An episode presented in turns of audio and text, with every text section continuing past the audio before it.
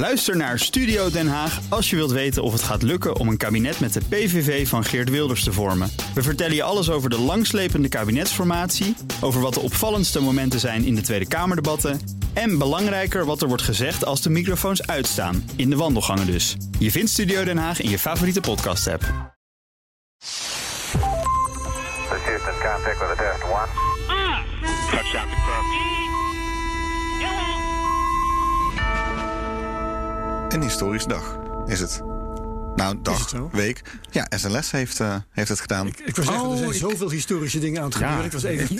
SLS heeft een, een soort test gedaan. Ik heb motoren aan zien staan. En à la Elon Musk zeggen ze... het ging weliswaar mis, maar het ging heel erg goed.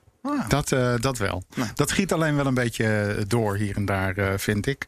Als Bridenstine het er dan toch weer over heeft. Ja, geweldig en goed. En De daarnaast, NASA-directeur. Ja. en daarnaast dan zelfs nog eh, de commentatoren die de PR verzorgen zeggen van nou, en de volgende stap is dat SLS will be shipped to the Kennedy Space Center. En Naar de maan. Hup. pardon, Eh, hier worden een paar stappen ge- gemist. Nou, daar gaan we Maar, het vandaag uitgebreid over hebben. In de aflevering, welke aflevering zitten wij? eh? 61 volgens de meest recente telling. Dankjewel, Herbert. ik vraag een hertelling. Oh nee, dat hebben we dit is Space. Cowboys. Dit is Space Cowboys, ja precies. En eh, ja, nee, ook eh, Biden wordt eh, elk moment geïnaugureerd. We hebben niet echt ergens een televisie staan of zo, hè? Nee. Nou ja, wel achter maar Ja, er maar staan er alleen maar eh, plaatjes op. ja, van een andere Ehm, podcast. Die andere meneer is Thijs Roes, Herbert die Blankenstein. we eerst hoorden praten. Ja, En dan hebben we nog Luc van der Nabelen. Yes, ook er weer bij, gelukkig. Vandaag. Dat is de line-up deze keer. ja, en eh, we gaan het vandaag over hebben. Over eigenlijk heel veel tests. dus. Ja, tests die zijn geweest van zowel eh, Virgin Orbit als... eh, nou, SpaceX ook, ja, SpaceX en eh, SLS. Ik Dus heb één aardigheidje over ijs als bouwmateriaal voor ruimterobots. IJs als bouwmateriaal voor Ja. En jij. Luc? Ehm, ik ga het eh, ook over raketten eh, hebben. En ehm, daarnaast ook nog, laten we eventjes wat dieper ingaan over wat voor mij toch wel een hoogtepunt van dit jaar gaat worden: het Chinese ruimtestation. Oh, Ehm, Oh ja. Dat moet eh, opgebouwd gaan, eh, gaan worden. Nou, daar is het een en ander over te vertellen. Ik vind dat, ja, dat vind ik een heel mooi onderwerp. Heel mooi, ja. Die Chinese ruimtevaart met al zijn geheimzinnigheid blijft toch Ja, nog juist daarom. nog meer fascineren Ja, dan die ruimtevaart waar we alles van weten. Bovendien, het Amerikaanse tijdperk is voorbij. Dus eh, we moeten vanaf nu naar China kijken. Op naar China. Kijken wat daar gebeurt. Eh, zullen we eerst even al die tests eh, uit de, de- even wegwerken? Ja, er was van SLS alles. eerst even ja, en- Ja. SLS en SpaceX en Richard Branson met zijn, met zijn, met zijn ding. Ook nog. Ehm, ja. SLS is wel de, de belangrijkste. Hè? Waarom? Waarom? Waarom? Waarom Ja, was- Luc, wat, was er zo belangrijk? Ehm, ja, dit wordt eh, eh, eh, volgens NASA de raket die eh, de mensheid terug gaat brengen naar eh, de maan. Ehm, nou, is veel aan, aan gelegen, Ehm lang aan gewerkt. Daarover straks nog eventjes wat, wat meer. Kijk, eventjes straks ook terug naar de historie van waar komt die raket eigenlijk het heeft, eh, het heeft vandaan. lang geduurd, hè? Het heeft erg lang geduurd. Ehm, eh, nu waren we eindelijk zover dat er inderdaad een, een full duration test zou, zou worden gedaan. De motoren zouden worden ontstoken. En eigenlijk zou die eerste trap zich helemaal gedragen eh, zoals dat gaat gebeuren tijdens de eerste lancering. Ehm, eh, motoren zouden, zouden wat zwaaien. eh, koerscorrecties daarmee simulerend. En het belangrijkste, ze zouden acht minuten vuren. De hele. Acht, minuten, hè? Voor de Ja. eerste keer. En eigenlijk het programma loopt al sinds 2007, 8, 2009, zoiets. Al die tijd vertraagd, maar niks, niks, niks. En nu eindelijk dan vier motoren. Ja, precies. Vier motoren die eh, in principe van de Space Shuttle kwamen. Hè? Dat Ja, zag er ook heel erg hetzelfde uit. Ja, nou ja, eh, niet hetzelfde. Het zijn die exemplaren. Eh er was een lijstje van eh, op welke vluchten elke motor heeft, eh, heeft gevlogen. Oh, ze hebben allemaal En al een keer dat- gevlogen zelf. Precies. Oh, wauw. Ja, en daar zit er eentje, eentje tussen die ik eh, tijdens zijn laatste lancering heb gezien in 2011. Toen eh, ehm, de laatste eh, Atlantis-missie werd, Serieus? werd Ja, gelanceerd. En, en wat ik ervan begrepen heb, is wat nou zo lastig bleek, was dat eh, eh, de- de- ja, je denkt, je zet er maar één motor bij in het ontwerp. Want de Space Shuttle had er drie, de raket van de Space Shuttle. En nu naar vier. En dat was dan toch uiteindelijk extreem moeilijk om dat voor elkaar te krijgen. En Boeing heeft zich daar nog heel erg lang in verbeten. En vertraging naar vertraging heeft opgelopen. Ja. En nu, ik zat het live te kijken. Echt een, het was heel Ja. spectaculair. Ja. Echt een waanzinnige wolk van water. Hè, Eh, die ja, eh, en toen. Want waterstof, zuurstof? Ja. Oké. Ja, nou, En, maar- en ik, eh, ik dacht van, oh, het is gewoon een test. En toen pas merkte ik aan het commentaar dat het dus niet succesvol was. Want hij had dus, hoe lang moeten? acht minuten. Acht minuten moeten. En het was na 67 seconden gebeurd. Is die acht minuten ook de realistische tijd die nodig is om in orbit te komen? Ja, ja dat Ja, is, ja, eh, precies. die, die hele raket zou een net doen... gesimuleerde vlucht. Precies, net doen over. alsof hij gelanceerd werd. Werd alleen door grote klampen aan, eh, aan de grond eh, eh, gehouden. Je microfoon, eh, Herbert. Wat is ermee? Even meer inpraten. Oh, op die manier. Ja, zo. Ja, nou, dankjewel. Ja, sorry. Dus ehm, eh, ja, de, de, de ultieme test. En eh, eh, ja, eigenlijk was iedereen, iedereen er wel een beetje eh, vanuit gegaan van nou, dat gaat lukken.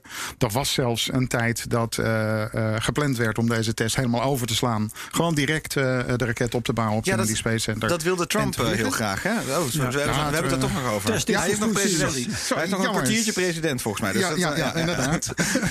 Maar dat wilde hij heel graag. Ze hadden eigenlijk gezegd van laat die test skippen we hem. Ja, we precies. gaan gewoon in één keer dat ding daar neerzetten in, in Ja. Florida. Daar op testen Cape Canaveral. En eventjes. daar gaan we Gewoon meteen naar de maan. meteen ja, naar de maan. precies, hoppakee. En toen hebben ze het toch gedaan. Nou, gelukkig maar. Ja, precies. gehad. Ehm, eh, ja, nou ja, Want goed. Ik, ik herinner me van de berichtgeving dat het nog wel een tijdje onduidelijk was.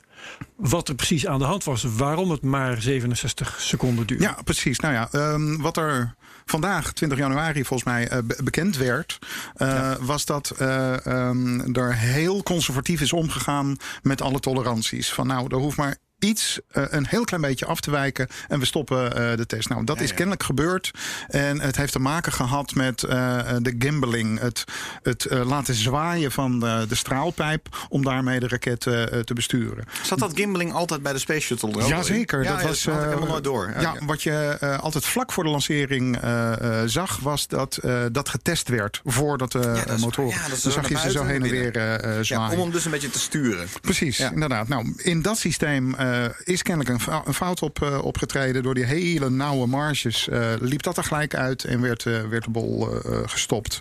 Ehm, voor deze test heeft NASA gezegd van we hebben minstens twee minuten vuurtijd nodig om de data te verzamelen die we willen, willen hebben. En wat mij dan zo verbaasde is dat in de persconferentie na de test Bridenstine heeft gezegd van nou misschien is dit toch wel goed genoeg. En ehm, oké, Bridenstine is denk ik ook eh, morgen eh, niet meer eh, NASA-directeur. Nee, wie het wel wordt is nog steeds niet bekend. mij. Nee, precies. Er zal wel, even een interimfiguur eh, verschijnen. Maar ik vind het een nogal onverantwoordelijke uitspraak. Als je eerst aangeeft van we hebben twee minuten nodig.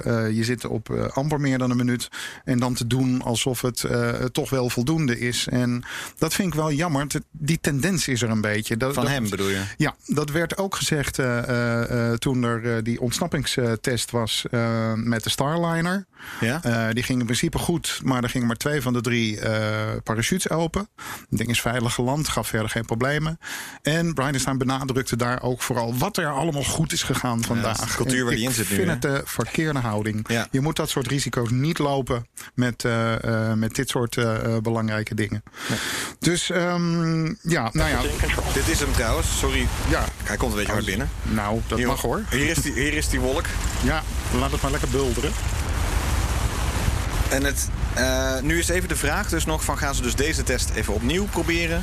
Of ehm, gaan ze toch proberen te vliegen? En dat zou dan over een paar maanden toch Nee, wel in- inmiddels eh, eh, gaan de verhalen dat er eh, eh, voldoende raketmotoren eh, op het testcentrum zelf aanwezig zijn. Mhm. Eh, dat het, eh, eh, het uitruilen niet ontzettend veel tijd hoeft te kosten. En volgens mij hadden ze het over drie, vier weken. Dan zou de test opnieuw gedaan eh, kunnen worden. En ik heb wel de indruk dat dat inmiddels het eh, besluit is eh, geworden. Een nieuw test. Gelukkig. Ja, Hier gaat opeens die raket uit. ja. Get into our first gimbal profile. Gotcha. Do CCTV Ja. violation. Jammer. Ik, eh, Violation, hè? Ja. ja, Dus ja. eh, ja. Dat, Het had zo mooi, eh, mooi kunnen dat zijn. ging niet En- goed. Dat is een mooi bruggetje naar wat wel goed ging misschien. Ehm, ja, nou ja, laten we, nog heel eventjes Oh, bij, bij die, bij die SLS blijven. Blijven. Wat- Je- wat je, is er nog? Je zei er net al van eh, lang aan gewerkt. Ehm, deze raket heeft een historie die echt een hele tijd eh, eh, teruggaat. Ehm, in principe eh, eh, is die terug te leiden tot 2003. In, eh, eh, in dat jaar verongelukte de Space Shuttle eh, Columbia door een, eh, een beschadiging aan het, eh, aan het hitteschild. Ik De man kwam daarbij, eh, ja, kwam daarbij Terug, om. bij, terug bij de atmosfeer. Terug in de atmosfeer, ja. Ja, precies. Ja. Die groep eh, vuurballen die je dan Ja, over inderdaad. Die werden in beeld gebracht door een Hollandse eh, helikoptercrew. Heel eh, veel kan ik mensen het zeggen. wel, geschoten, hoor, ik- maar- werkte ja. in een computerwinkel en eh, het- we hadden het op ongeveer 40 schermen aanstaan. Dat is een heel, heel een aparte gewaarwording. Ja, ja, dat was heel, eh, heel heftig. Nou, zo heftig ja. dat het jaar daarop, 2004, eh, George W. Bush, eh, president eh, destijds, eh, NASA een nieuwe missie eh, eh, gaf. Shuttle moest met eh, pensioen en er zou worden gewerkt aan een terugkeer naar de maan. Nou, dat pakte hij eh, eh, dan wel een beetje slim aan door eh, de nieuwe architectuur van nieuwe raketten te baseren op de technologie die in de Space Shuttle was gebruikt. Dus de external tank van de shuttle werd op papier omgebouwd tot de centrale trap van de raket. De boosters werden met één element verlengd. Motoren waren die van de, van de Space Shuttle. En dat zou een gigantische vrachtraket gaan, gaan opleveren, die de Ares 5 werd genoemd. Die zou 188 ton naar een eh, baan eh, om de aarde kunnen eh, gaan Zo, brengen. Zo, Of, 188 ton. Ja, of 95 ton naar de maan. Puur vrachtraket zou niet bedoeld zijn voor ehm, eh, bemande vluchten. Oké. Ehm, daaraan werd, werd aan toegevoegd een lander, de Altair, en de Orion, een ruimteschip. Die kennen we nog. Die eh, eh, is eigenlijk nog steeds in, eh, in ontwikkeling en wordt nog steeds het ruimteschip wat astronauten terug naar de maan moet gaan eh, brengen. Als het bemande overleefd? capsule voor bovenop die SLS. Eh, precies, inderdaad. Maar ehm, het werd allemaal ingewikkeld. Het ging langer duren en voor, vooral het werd eh, eh, te duur. Eh, rond 2009 werd, duidelijk dat de ontwikkeling van het hele programma, wat Constellation was genoemd, werd zo duur dat het niet meer binnen het NASA-budget paste. En in 2010 werd de hele boel geschrapt. Onder Obama gebeurde dat. Het jaar daarop werd eh, de opvolger eh, eh, aangekondigd, de Space Launch System.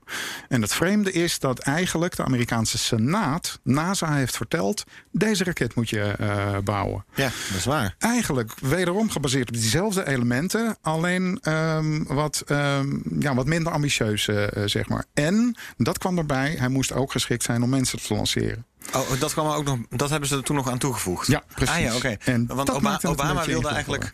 Ehm, Obama wilde eigenlijk eh, de, de, de, de industrie een kans geven om eigen raketten te ontwikkelen. En had daarom eigenlijk al gezegd van oké, we schakelen eenmaal om naar een privaat eh, ruimtevaartstelsel, om het zo maar te zeggen.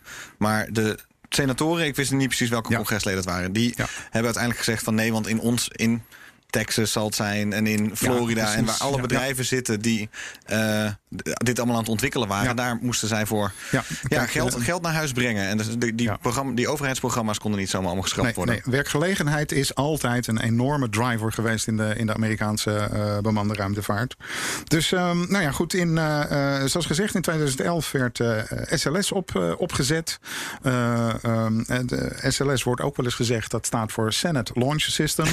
omdat NASA eigenlijk daar helemaal niks mee te maken heeft gehad. Heeft er altijd mee in zijn maag gezeten, want hij, hij past niet goed. Ehm, hij kan veel minder eh, gaan, eh, eh, gaan lanceren. Ehm, eh, waardoor het, als je één bemande maanlanding wil uitvoeren, heb je minstens twee SLS'en nodig. Ehm, En toch ook dat, dat station rondom de maan. ja, precies. Nou ja, ehm, werd daar de- toch de ook door nodig gemaakt. Ehm, nee, in principe niet. In Oh, principe is de hele gateway niet nodig. Nee, ehm, ja, we- als we het weer ook, over ja. banenprogramma's hebben, misschien is dat er ook. eh, is Gateway dan dus iets dat ze eigenlijk gewoon geprobeerd hebben om een een soort stip op de horizon te zetten om al die projecten een soort doel te geven? zo begint het wel te ehm, klinken. ik, heb een, ik heb een vermoeden eh, dat SLS of eh, dat eh, Gateway eh, eh, op eh, de agenda is gezet om ervoor te kunnen zorgen dat we altijd astronauten in de ruimte hebben. Mm. Kijk, eh, International Space Station gaat natuurlijk ophouden eh, over Ja. vier, zes, acht Was het jaar. niet ook om Ja, ja. de maan- en Mars-programma's eh, met elkaar te verenigen? Eh, op papier wel, ja. Ja. maar eh, de architectuur slaat gewoon helemaal nergens op. In principe, je, je hebt het niet nodig. Je kan alles eh, eh, of in een baan om de, om de aarde samenstellen en naar de maan vliegen. Of je stuurt het naar de maan en koppelt het daar aan elkaar. In principe heb je geen station daar nodig. Eh, en- Apollo en- heeft het ook zonder gedaan. Ja. Dus Ja. dat lukt gewoon. Maar, maar om het even bij SLS te houden, Ja. is SLS nodig? Daar kan je dus ook grote vraagtekens bij stellen. Je zegt het is moeilijk in te passen.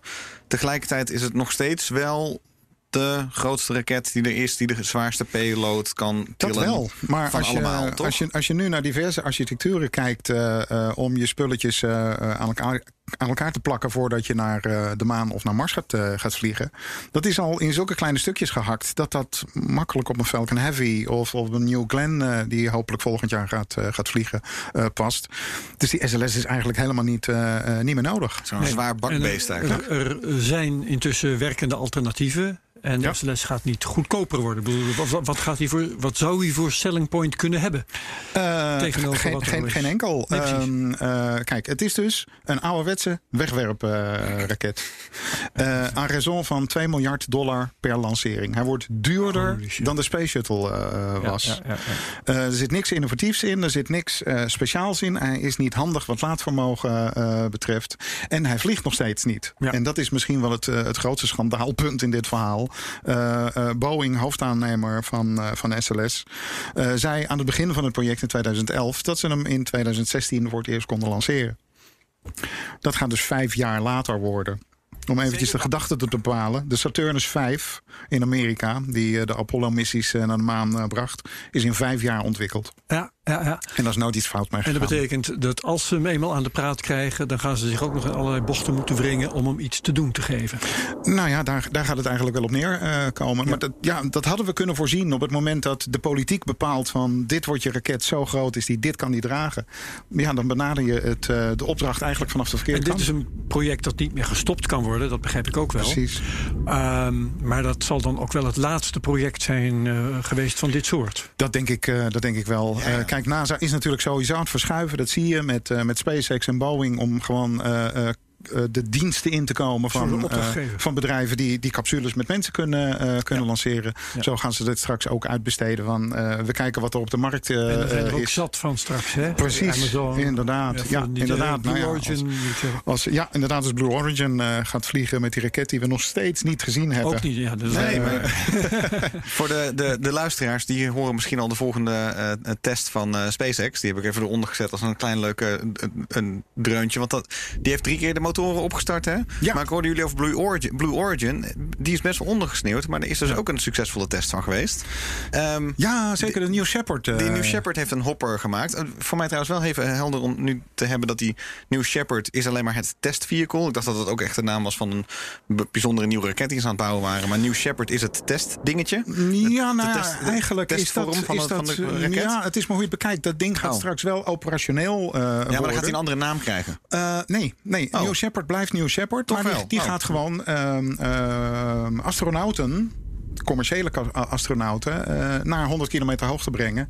Eh, gewoon toeristen. eh, die willen, willen zien hoe eh, daar eruit ziet vanuit eh, de ruimte. Ah, op die manier. Dat is echt eh, recht naar boven, recht naar beneden. Richard. Branson. Oh, dus op die manier blijft hij. Precies, Want inderdaad, Het ja. is dus nog niet. eh, het is Blue Origin nog niet gelukt om in een baan om de aarde te komen. Het is nog steeds geen orbital eh, launch Nee. eh, geweest. Maar dat is dus nu eh, Virgin Orbit wel gelukt. Precies. Dat is dus wel gelukt. Vanaf een vliegtuig. Heb, Ja. je, heb je het gezien nog? De- want Ja, ja, ja. Het, was, het werd niet live uitgezonden. Hè? Het, eh, Nee, nee even zijn terugkijken. voorzichtig Die daarin. hebben Ja. ook hun lesje wel geleerd. Ja, dat is natuurlijk waar, ja. Ja. Ook daar natuurlijk eindeloos vraagt. Het zal- dit, dit, dit, dit, het plan om naar de ruimte te gaan was van hun al vrij oud van Virgin. Maar om ook in een baan om de aarde te gaan, dat is relatief nieuw. Een paar jaar geleden pas bedacht.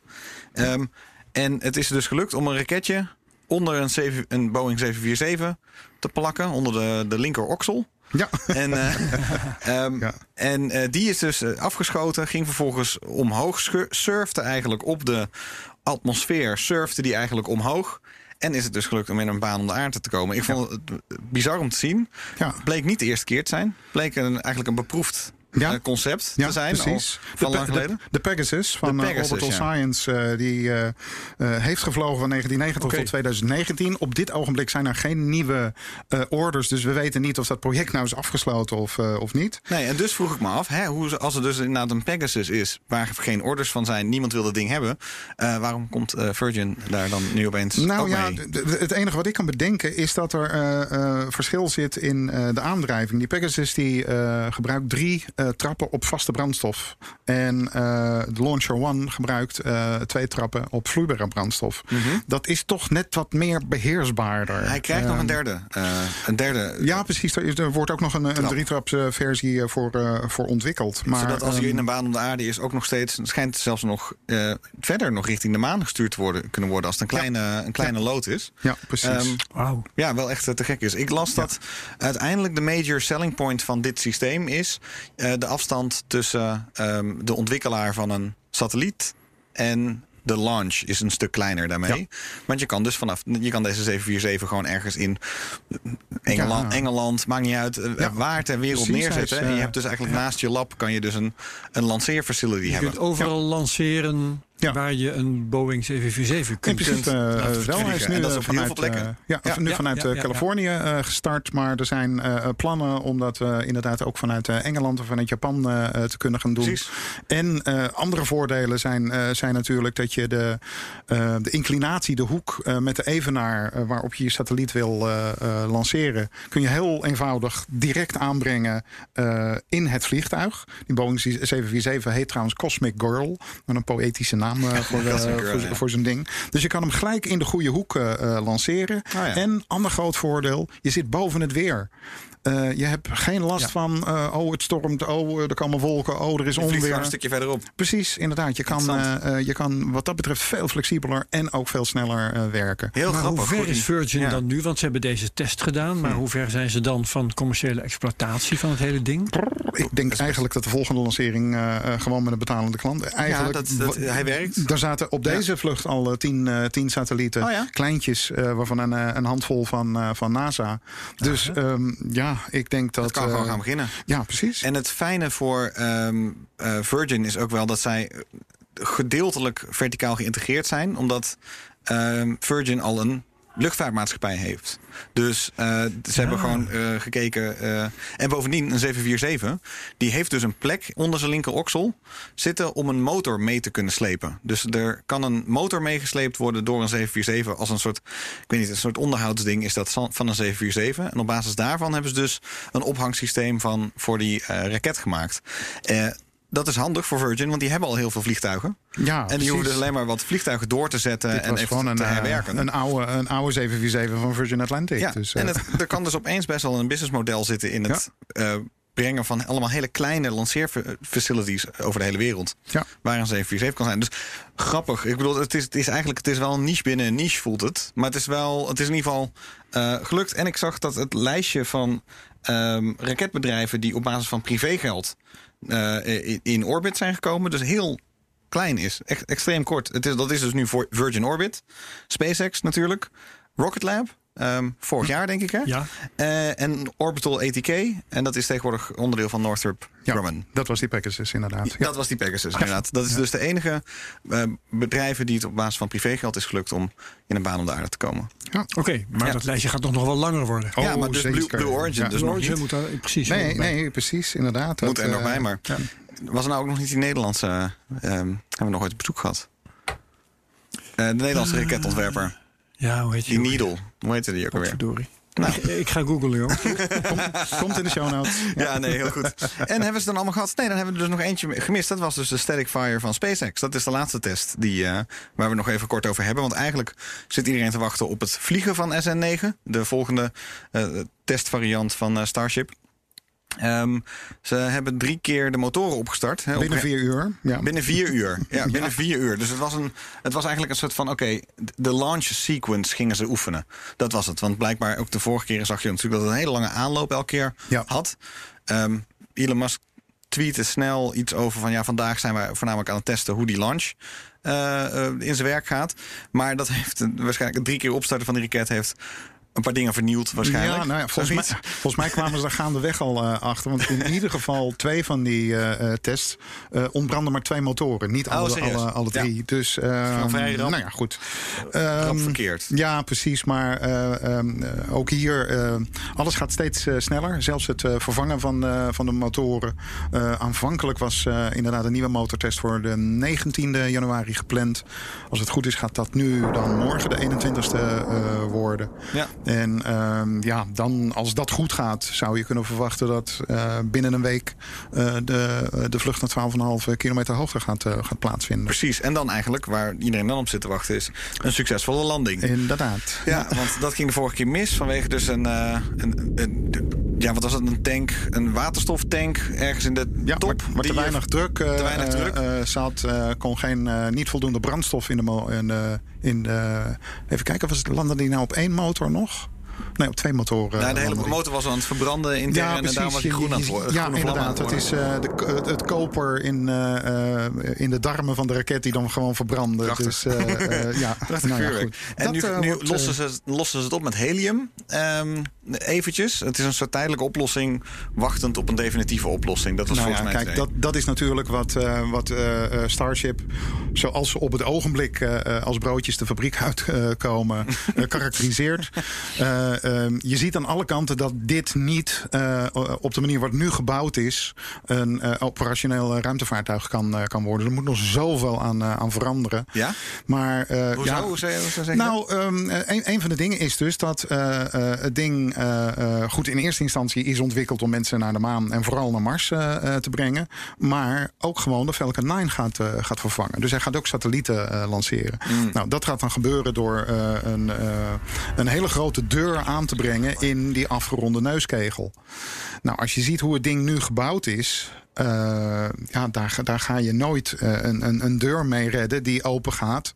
En dan ook nog weer dicht kan en sluit. Daar moet een totaal ja. andere techniek aan, eh, aan, eh, aan worden, Is worden, het worden überhaupt Dus- een goed idee om een, een raket zoveel verschillende taken te geven?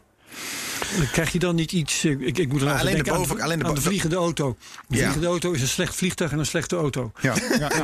Dus als je een, een raket zoveel verschillende dingen laat doen... wordt die dan niet slecht voor elk doel dat je er eigenlijk mee wil bereiken? Ik weet het niet. Ik, ik begin in de ruimtevaart eh, het gevoel te krijgen dat er een, een, een soort eh, eh, ehm, concentratie is naar optimale ontwerpen. Mhm. Als je nu naar, naar commerciële draagraketten kijkt, gaan die bijna allemaal uit van het, eh, het principe van we hebben een centrale trap en dan plakken we boosters tegen, Ja. tegenaan. Vroeger werd alles op elkaar eh, gestapeld. Nu is dit kennelijk het model wat het beste werkt. Ja. Eh, als je naar ruimtepakken kijkt. ehm, ehm, de Russen werken met hun eh Sokol eh, ruimtepak al meer dan 30 jaar. De Chinezen hebben dat gewoon gekopieerd. De Indiërs zijn dat aan het kopiëren. De nieuwe ontwerpen uit Amerika zijn daar ook op terecht eh, gekomen. Uiteindelijk ontdek je wat optimaal is om te, eh, om te gebruiken. Ja. En het zou best eens eh, kunnen dat, dat Starship misschien wel heel erg overdesigned zal zijn. Maar zoveel kan. Eh, Dat het slim is van jongens, die gaan we gewoon massaal produceren. waardoor het goedkoop wordt. Eh, Mhm. Een commentaar op, op wat jij nou zegt over die eh, ruimtepakken en zo. Bij ruimtepakken, ja weet je, een ruimtepak is een ruimtepak. Dus dat je dan convergeert naar een, een bepaald ontwerp dat goed blijkt te werken. Maar als jij nou zegt van ja, we, er is een bedrijf nu bezig een ruimtepak te ontwikkelen dat ook gebruikt kan worden als trainingspak. Dan ga ik toch vreemd kijken. ja, dat wel. Ja. Hè? Maar het is, an- het is anders. Ja. Ik heb toch het idee dat, eh, kijk, net zoals dat je een sportbroek kan gebruiken om in te sporten of om thuis op de bank te, Netflix te kijken. ja. Ehm, eh, moet je, maar dat is niet allemaal heel erg kritisch. Ja. Dus je moet ook op, oppassen. Ja, precies. Ehm, de, ik denk dat eh, het, het is een modulair systeem. Hè? Dus er komt, het is eigenlijk een lanceersysteem dat ze aan het ontwikkelen zijn. Met verschillende soorten starships die daar bovenop komen. Dus die, die nou je talking. Ja, dus begrijp ik het. Heavy Launch System wordt ontwikkeld. Staat ook al klaar. Je, er- er zijn ook al schetsen van. Er staan al een paar onderdelen van. Waarschijnlijk nou, in het voorjaar, later voorjaar, gaat die eens een keer getest worden. Ehm, die gaat elke keer een Starship ergens heen brengen. Maar dan komt er een cargo, cargo versie. Er komt waarschijnlijk een orbit versie. Er komt een Versie van de maan. een- voor de maan, voor Mars, een hertank versie en zo. Ja. Wordt, er- komt er uiteindelijk komen er gewoon heel veel variaties van Starship die er bovenop zit. En dan is dat, dat onderste gedeelte is dan in ieder geval een werkend, eh, Ja, werkende dat- eerste trap. Om zo te zeggen. logisch. Dus eh, het, eh, het wordt modulair ingestoken, maar voorlopig is het wel, ik vind het wel grappig. Want als je er naar kijkt, het- omdat het allemaal vanuit first principles ontworpen is, moet dus alles weer helemaal opnieuw bedacht worden. Van wat is inderdaad, wat je zegt, de meest optimale vorm. En dat is dus een, weer op, eigenlijk het hele proces weer opnieuw doen op basis van Ja, nou ja, is wat, een, wat, eh, wat zegt de natuurkunde dat het best, de beste ja, oplossing Het is een totaal andere, andere benadering dan traditioneel werd, eh, werd gedaan. Nou ja, eh grootste voorbeeld daarvan inderdaad SLS. Op papier ontwerpen, ontwerpen, ontwerpen en ontwikkelen. Elf jaar later heb je nog niks.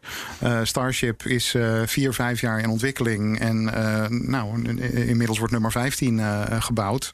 We proberen wat. En wat niet werkt, dat veranderen. En doen we de volgende keer beter. Ja. We kijken wel wie er het beste uitkomt aan het eind van de rit. Ja. Nou, dan hebben we volgens mij alle tests gehad. En het is, ik vind het leuk, want er was eigenlijk een hoop tegelijkertijd in één maand. Meestal is het wat meer versnipperd. Ehm, het lijkt erop alsof, alsof in ieder geval die race eh, volop onderweg is. Dus eh, genoeg om over te kletsen dit jaar, denk ik. Zeker weten. Ja. Eh, voordat we naar China gaan, dan even wat was het nou met bouwen, het bouwen Ja. met ijs? Er, er is een, een, een leuke publicatie verschenen in.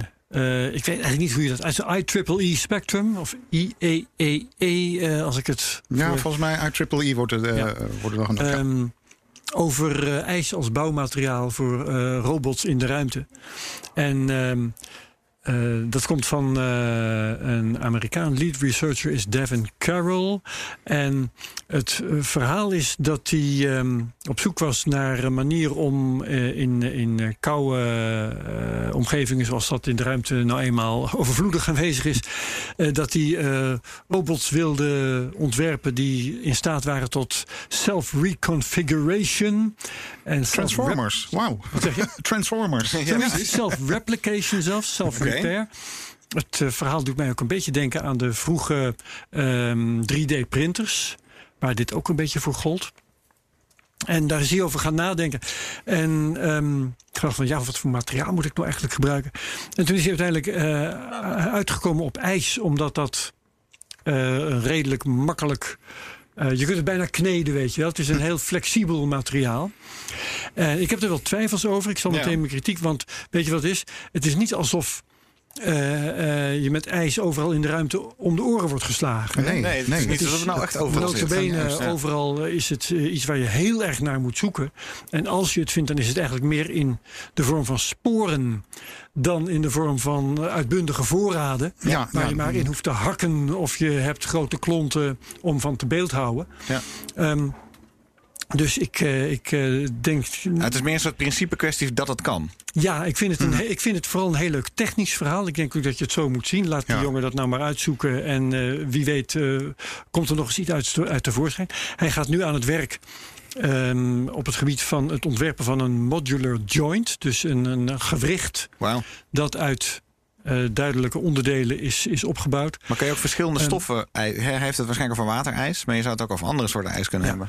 Nou, dat eh, ja, zou kunnen. Hè. Je kunt je voorstellen is. maar ik heb geen Ja. idee over de Stikstof. mechanische eigenschappen daarvan. Terwijl van waterijs natuurlijk bekend is dat als het eenmaal koud genoeg is, dan is het ook ontzettend hard en stevig. Als het ook het een gewricht is, gaat het dan niet lopen...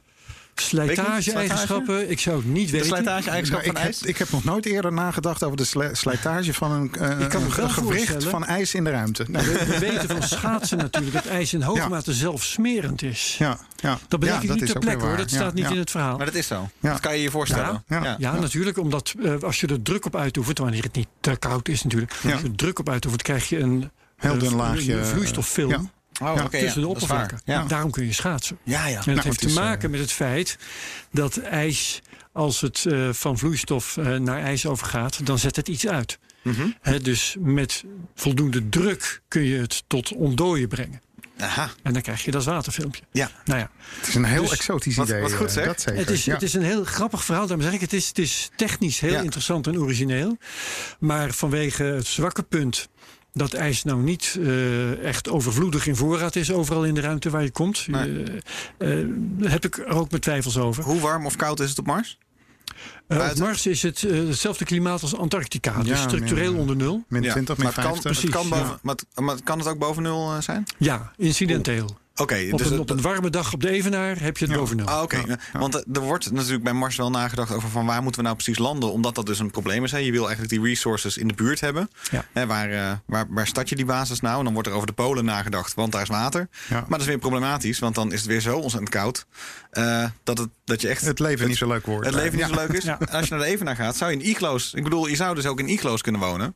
Dat is natuurlijk altijd nog een... Ja, dat Een goed ja, idee. ja, Dus ik moest er net ook gelijk aan Igor grote voorraden stuit. Hè? Want als je op grote voorraad- gewoon nog de vraag. Ja, je moet gewoon nog door blijven zoeken naar waar dat water gebleven is. Dat, eh, dat is het. Nou, Nou ja, goed. Een kleinigheidje. Een in de show notes. Hartstikke leuk. Ja. Dan, dan naar China. China, Chinees ruimtestation. Wat- Maar wat is moet er- ik toch maar weer even. Ik eh, heb geen flauw idee waar dit over gaat. Waar, Nou, over een ruimtestation. over een ruimtestation in China. Ja, ja, Wat- ja, wat- precies. Vertel eens. Ehm, kijk, China is, eh, is natuurlijk al eh, best lang bezig eh, met bemande ruimtevaart. Is slechts de derde natie die dat eh, is ge- gelukt. In, 2000, in eh, 1999, eh, ja, 1999 was er de eerste Shenzhou die eh, de ruimte ingang ging met één taikonaut. Shenzhou, is dat dan Lange Mars? Eh, eh, ja, die is met een lange Mars 2F eh, eh, ge- Nee, gelanceerd. maar Shenzhou betekent dat Lange Mars? Nee, dat betekent ehm eh, hemels mijn schip. Ja. Oh, hemels. Hemelschip. Ja, Prachtig, en prachtig, ik heb het, eh, eigenlijk spreek je het uit als Shenzhou. Dat heb ik een keertje in Amsterdam aan een eh, eh, Chinese winkelier eh, gevraagd. Mooi, maar mooi, mooi, ja, dat herkent niemand. dus, nou goed, in 1999 dus die eerste vlucht van één enkele taikonaut. En eh, is die een dagje in de ruimte geweest. De tweede vlucht was gelijk met twee taikonauten. De derde vlucht was gelijk een ruimtewandeling. Vervolgens zijn ze gelijk met een ruimtestationnetje begonnen. De Tiangong. Daar zijn in totaal... Wat, wat, wat, wat? Bestaat dat nu? Ehm, Is dat er nu? Een Chinees Even ruimtestation? kijken. Nee, volgens mij zijn ze inmiddels alle twee teruggekukeld. want het is alweer een, eh, een tijdje ge- Aha. geleden. Was dat ook is, die, eh, le die, nou, die le- die leger was Russisch. Waar we het ooit eens over hebben gehad. Er was ook nog een leegruimtestation dat rondging, toch? Ja, ik denk dat dat deze is, eh, is geweest. Want eh, de van. eerste Die is, toen- die is eh, toen de- de- de- ter aarde. eh, ja, die is, nou, en die is ongecontroleerd er toen eh, teruggevallen. Ja, en de tweede die ja. hebben ze netjes afgeremd en op een eh, vooraf vastgesteld plekje in de oceaan laten, laten plonzen. Dus ehm, nou ja, er, is al best wat, eh, wat ervaring. Eh, aan boord van eh, het laatste ruimtestationnetje, de Tiangong 2, hebben ze een duurrecord van 33 dagen eh, gevestigd. Ja, dat- valt natuurlijk in het niet bij het latere records. Maar eh, eh, ze weten waar ze het over hebben. Het is wel een vlucht die alweer een tijdje geleden, in 2016, plaatsvond. Dus het wordt wel weer tijd om wat, eh, wat te gaan doen. Dit is allemaal plan geweest om eh, te komen tot het bouwen van een ruimtestation. Nou, dat gaat eh, eh, dit jaar en de komende twee jaar eh, eh, gebeuren. Maar dit jaar is, eh, is absoluut het, eh, het belangrijkste. Ehm, het eh, verwarrende wordt dat eh, ook dit eh, ruimtestation weer Tiangong wordt genoemd. Uh, maar uh, in heel veel kranten kom je ook gewoon tegen China Space Station. Ja, het is niet heel ja. erg uh, creatief bedacht, maar het is waar het over, over gaat. Het ontwerp doet enorm denken aan Mir. Uh, het is ook weer een centraal uh, ding, een centraal blok waar allerlei uh, modules aan vast kunnen worden. Wil je worden te gekoppeld. zeggen dat ze dat misschien gewoon stiekem hebben afgekeken? Nou, niks stiekem hoor. Dat gaat gewoon in alle openheid. het, het, het, grappige is dat ehm, de Chinezen, zeker wat ruimtevaart betreft, meester afkijkers zijn. Ja. In de jaren 70. Wordt vaker van ze gezegd. Ja, meester ja, afkijkers. Ja. Dat is een in de, mooie manier om te zeggen. Ja, in, de, in de jaren 70 had Mao Zedong bepaald dat China ook aan bemenste ruimtevaart moest uh, gaan ja. doen. Uh, eerste ontwerpen zijn gewoon kopietjes van de Gemini-capsule. later hebben ze dus kennelijk de boel omgeschakeld en zijn ze met de Russen gaan ja. kijken. Shenzhou, Shenzhou, is gewoon een Chinese Soyuz die wat groter is gemaakt en wat, wat verbeterd is. En ook dat eerste stuk van, van het ruimtestation, Tianhe gaat het, gaat het heten, mm -hmm. wordt waarschijnlijk deze lente gelanceerd met een Lange Mars 5 raket. Um, nou, het is ook wel een... zo slim, want niemand gaat je vervolgen voor het illegaal kopiëren van een nee, ontwerp ik, of zo. Denk, in, in ik denk niet business. dat de Russen copyright hebben genomen op het, uh, op het ontwerp van. Uh, dat en wie doet je nu? wat als je nee, het negeert? Uh, ja, ja precies. Dus ja. nee, Goed, inderdaad. Okay. in, ja, in, de lente moet, moet dat ding omhoog. Ehm, kort daarop wordt er dan een Tianzhou gelanceerd.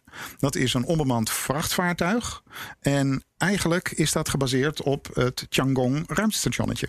Dus dat ontwerp is gewoon recycled en uh, uh, wordt, weer, uh, wordt weer toegepast.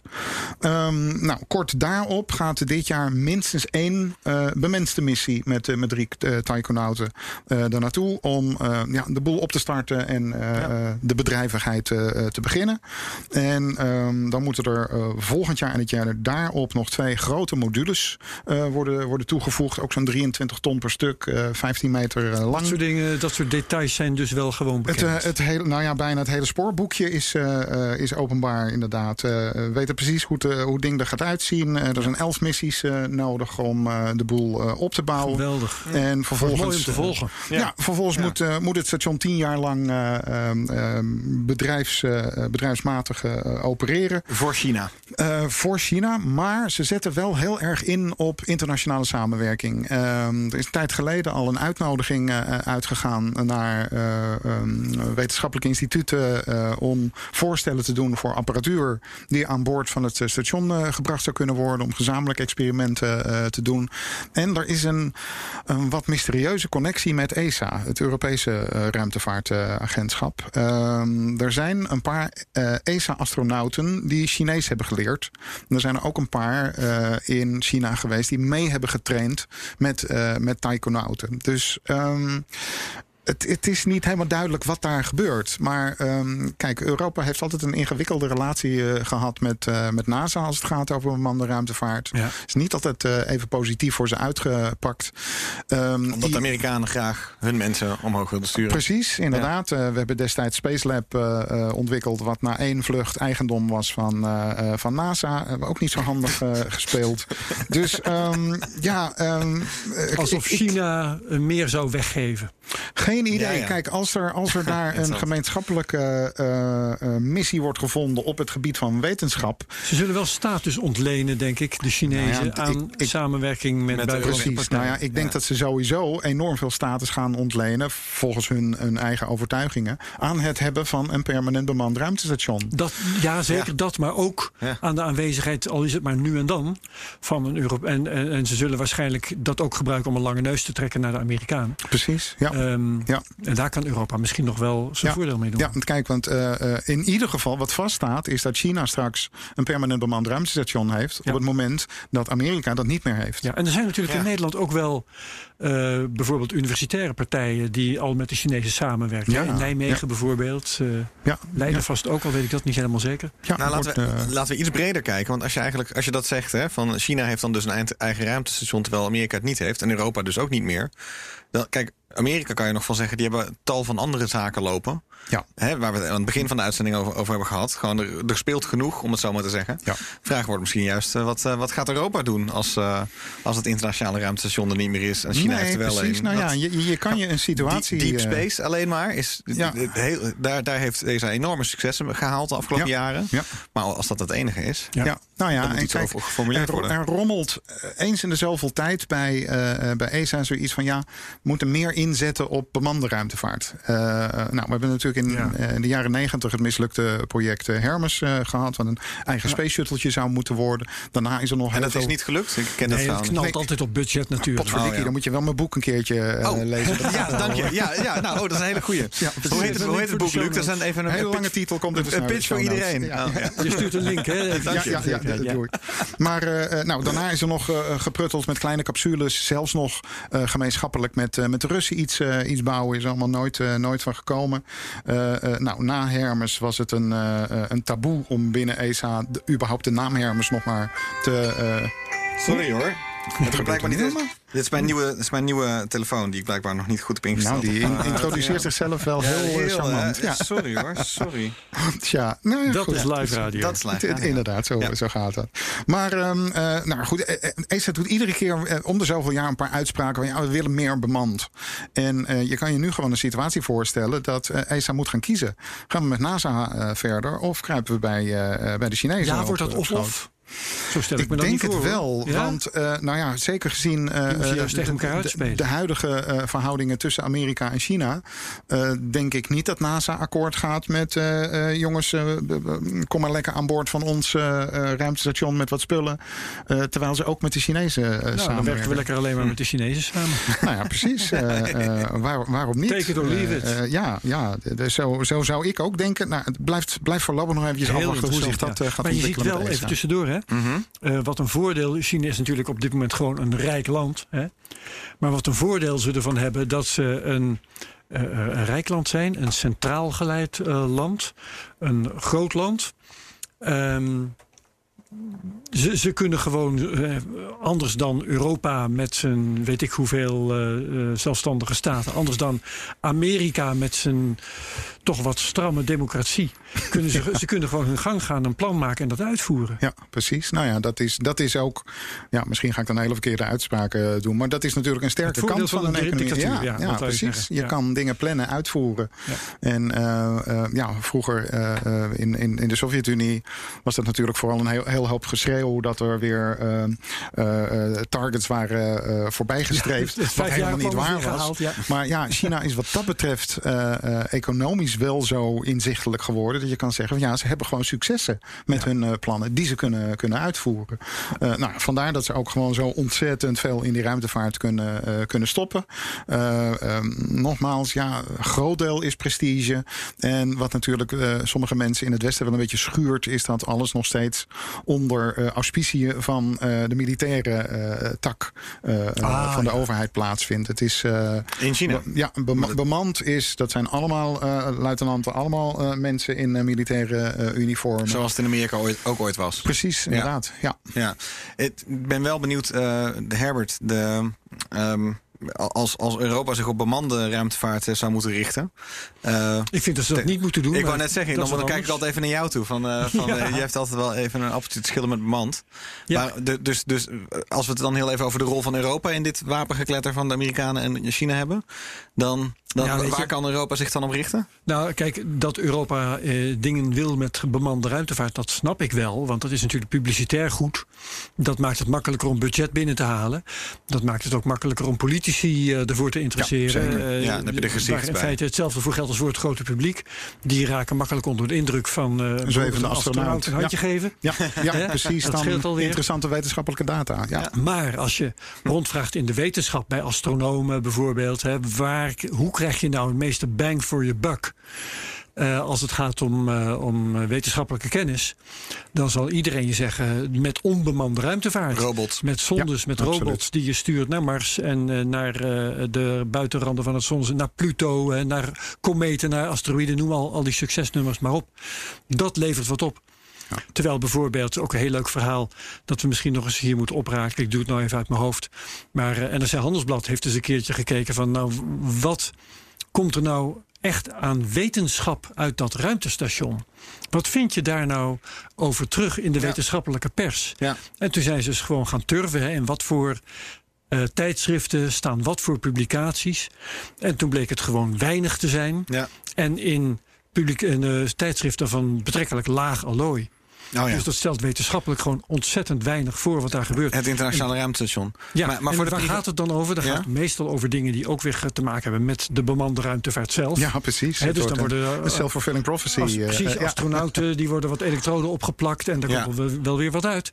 Maar om nou te zeggen dat daar echte algemeen breed bruikbare wetenschappelijke kennis. Hebben bijvoorbeeld de materialen waar zo lang mee geschermd is sinds de jaren tachtig of weet ik veel. De kristallen die je zo mooi kon groeien. Ja, een bij, eh, metaalschuim wat er gemaakt zou ja, worden. allemaal niks. Ja. Nee, Nee, nee, dat is Wel, waar. dus Ja, dat is- dat is, dat is Ja. wetenschap in de. Maar het is wel voor de, ruimtevaart. voor de privé-industrie is het toch. Ik ben er ook eens een keer ingedoken. Nou, Dus la- lag er wel, lag er Als wel je de andere ander, kant toch? op kijkt, dat is precies. eh, als je gewoon kijkt, wat kun je op dit moment doen aan bedrijvigheid. Eh, maar dan heb je dus inderdaad over onbemande ruimtevaart. Dan heb je het gewoon over satellieten en met name over remote sensing. Oh ja. Gewoon in de ruimte gaan hangen en dan naar de aarde kijken. Data verzamelen over de aarde. Dat is op dit moment big booming business. en niet, het medisch, niet die medische tests die Nee, Nou ja, kijk, er- er- gedaan. er komt best wel het een en ander aan bruikbare eh, eh, toestanden uit, uit de ruimte. maar ja, dan gaat het over hoe reageren mensen op gewichtloosheid. Ja, maar het daar is, nee, er niet zit nog een ander. behalve bij bemande ruimtevaart. Nee, er zit nog een ander aspectje aan. Eh, er zijn sommige eh, eh, processen in het menselijk lichaam die door de zwaartekracht heel erg moeilijk eh, te observeren eh, eh, worden. Eh, hoe bepaalde, ja, hoe bepaalde stoffen zich in- door cellen eh, bewegen en zo. Mhm.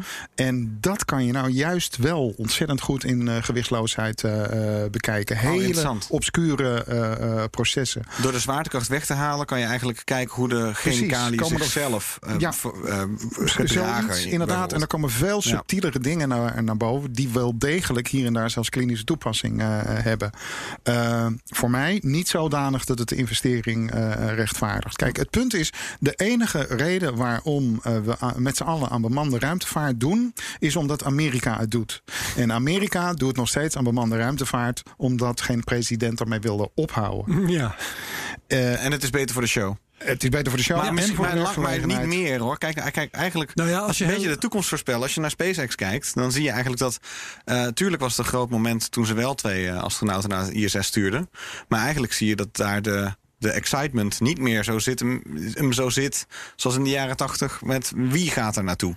Maar meer met van wat, wat gaat er naartoe en wat gaan we dan doen- doen. Ja, precies. Dus op zich misschien dat het langzaam aan het kantelen is. Nou ja, kijk, het, eh, ehm, eh, ruimtevaart, bemande ruimtevaart moet je doen vanwege eh, de menselijke emotie. Je wil ergens naartoe, je wil iets verkennen. Ja. Eh, Ja. En als je het heel groot gaat eh, beschouwen, eh, moet het deel zijn van de evolutie. En is het heel En dat erg. is ook een mooi verhaal. Dat, ja, natuurlijk, dat vanzelf. spreek ik niet en, tegen. en een Nee, mens kan flexibeler omgaan met bepaalde dingen. Dus ik Natuurlijk, denk, maar dat heeft alleen maar weer te maken met Ja. onverwachte omstandigheden eh, eh, aantreffen Precies. als mens. Omdat je daar als mens wil zijn. En Thijs, wat is de weerlegging van dat argument? Dat is dat het meenemen van mensen maakt je missie minder flexibel.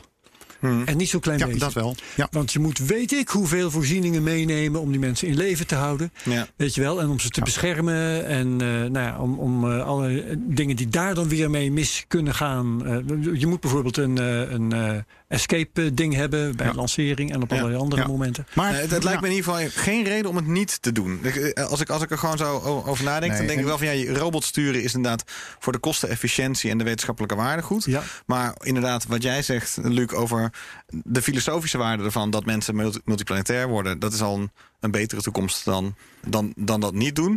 De Ja. vraag, ik, ik blijf het terugbrengen naar die vraag: wat moet Europa doen? Want, het, Ja. want, Nou, ik- ik want eigenlijk, het, het, gaat, het gaat tijd over de ambitie. Want we hebben het over die ambitie van de Chinezen Nog en de ambitie van de Amerikanen. Waarom zou je nog wel Wat is van ons dan? ruimtevaart? Wat, wat is daar nog een goed argument voor? Wil ik ook nog even in de groep gooien, omdat Mhm. ik anders eh, ben ik zo de, de zuurpruim.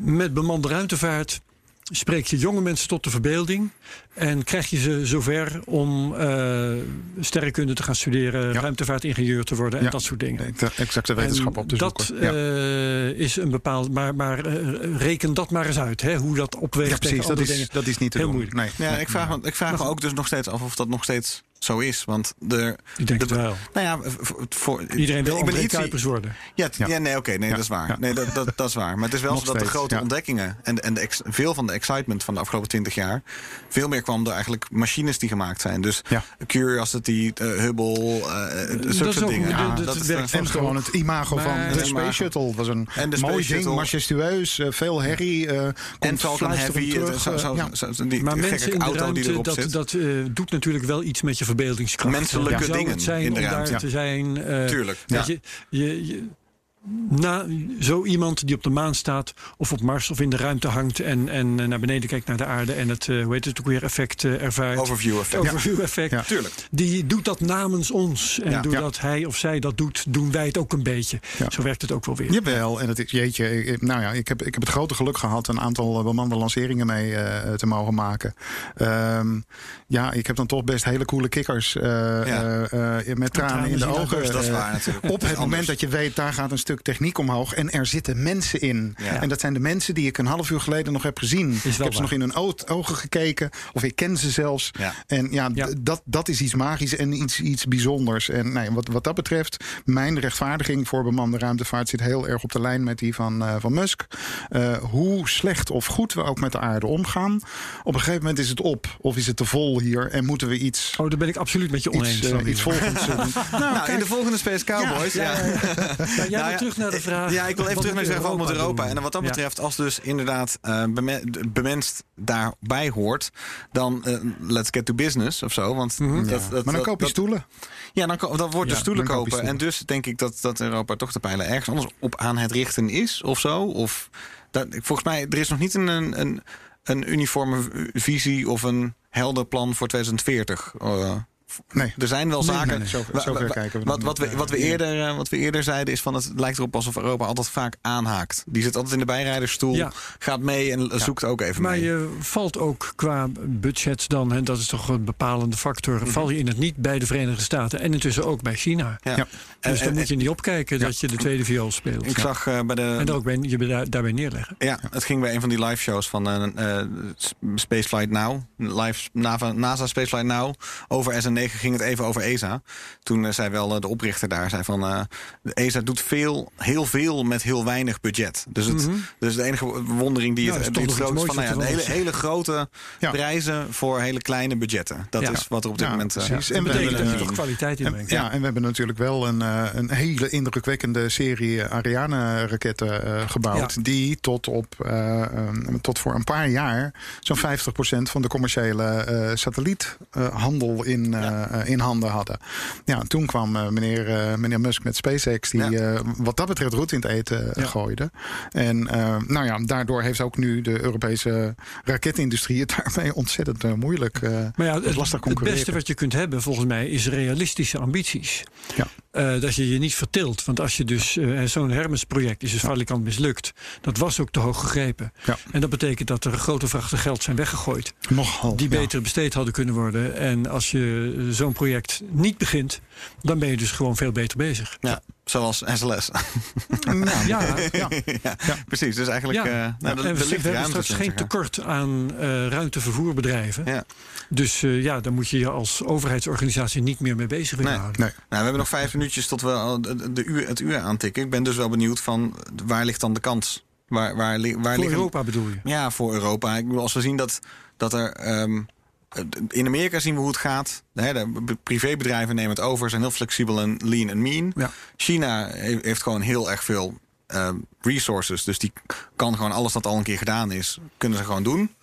En ja, Europa zou, zou dus zich dan op wetenschappelijke missies, denk ik, maar vol moeten nou ja, inzetten. originele- Daar lijkt het wel op. Originele sterrenkundige doelen. De originele astronomie. Ja, bijvoorbeeld die, eh, die eh, komeet, eh, dat is Rosetta-ding. Ja, ja. Dat is, nou, het is, het is in principe ook, wel waar. Kuchimov, Gerasimenko, wat was het ja, heel, ingewikkeld. Nee, ik heb hem ook nooit kunnen onthouden in één keer. maar nou, het is natuurlijk ook wel eigenlijk waar ESA zich traditioneel mee bezig heeft, heeft gehouden. Vooral die science, die science missies. Ja, zeker. Eh, Giotto, 1986. eh, ehm, Hipparcos. En eh, eh, ja, een, een, een vreemde eet in de, in de bijt was daarbij eigenlijk het ont- ontwikkelen van die, van die eigen draagraket. Dat heeft ook weer verschrikkelijk veel te maken met de positie van de Verenigde Staten destijds.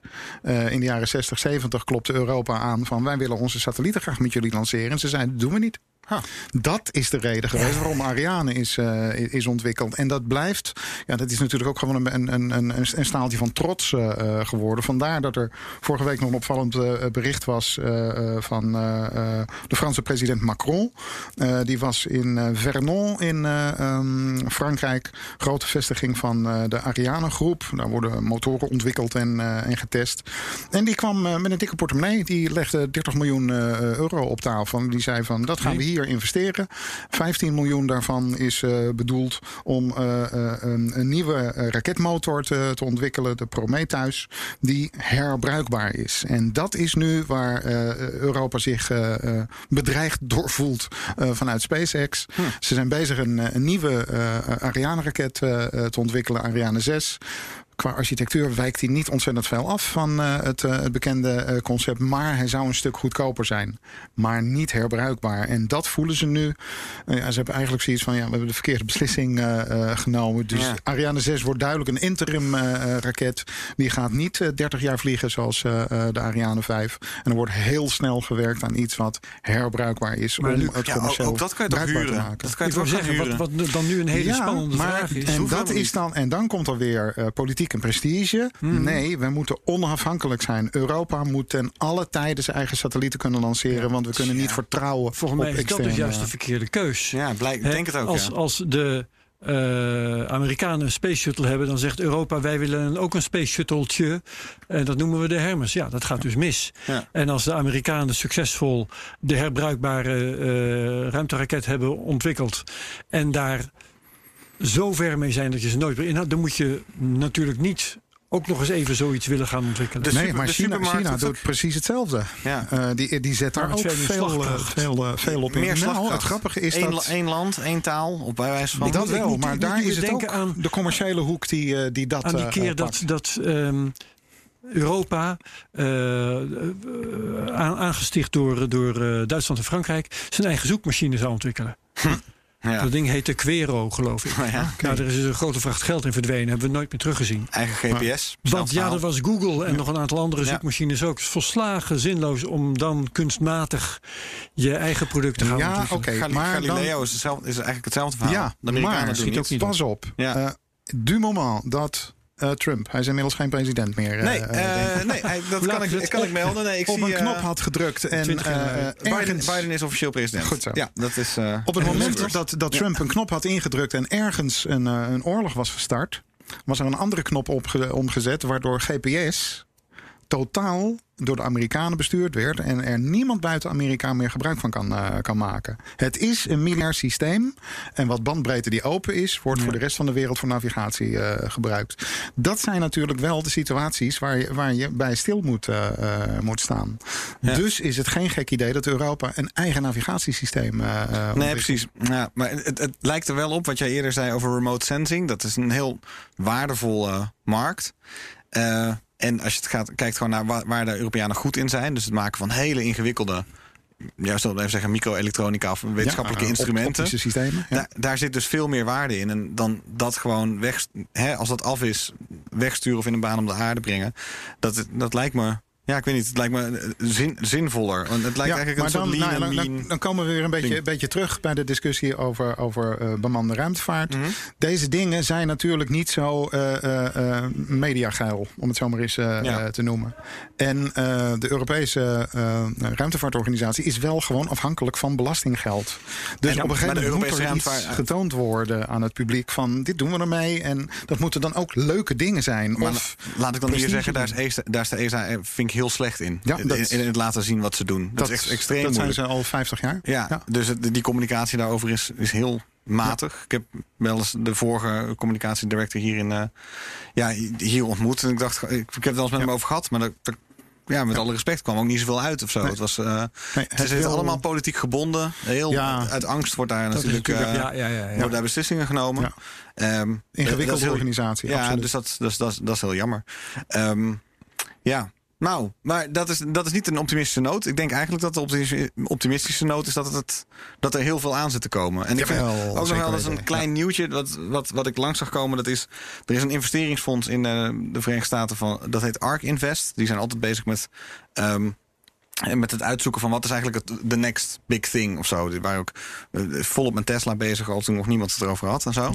Ehm, en die komen nu met een eh, space fonds ook. En dat is wel interessant, omdat Een dus... beleggingsfonds. Ja, een, ET, een ETF, eh, zoals het heet, Oh, voor, de, ja, voor de BNR-luisteraar. Exchange Traded Fund. Ja, en ehm, een space, dat heet dan ARC X, gaat het heten. En er is nog niet bekend gemaakt welke bedrijven daarin worden opgenomen op dit moment. Dus ehm, eh, dan zou het interessanter zijn, dan zou ik ook meer over te vertellen hebben. Eh, want er is ook nog niet een heldere lijst van kijk, dit zijn, als je, als je, als je mee wilt doen in de, de ruimterace met je geld, dan moet je hierin investeren. Die lijsten die bestaan eigenlijk ook nog niet echt.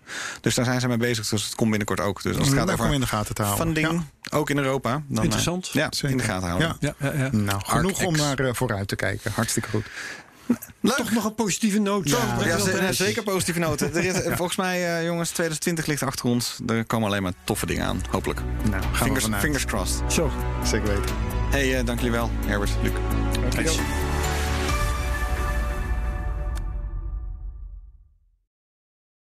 Ook Hugo Reitsma vind je in de BNR-app. Superhandig die BNR-app. Je kunt alle programma's live luisteren, breaking nieuwsmeldingen. Je blijft op de hoogte van het laatste zakelijke nieuws. En je vindt er alle BNR-podcasts, waaronder natuurlijk de belangrijkste, Boeken zijn in de wijk. Download nu de gratis BNR-app en blijf scherp.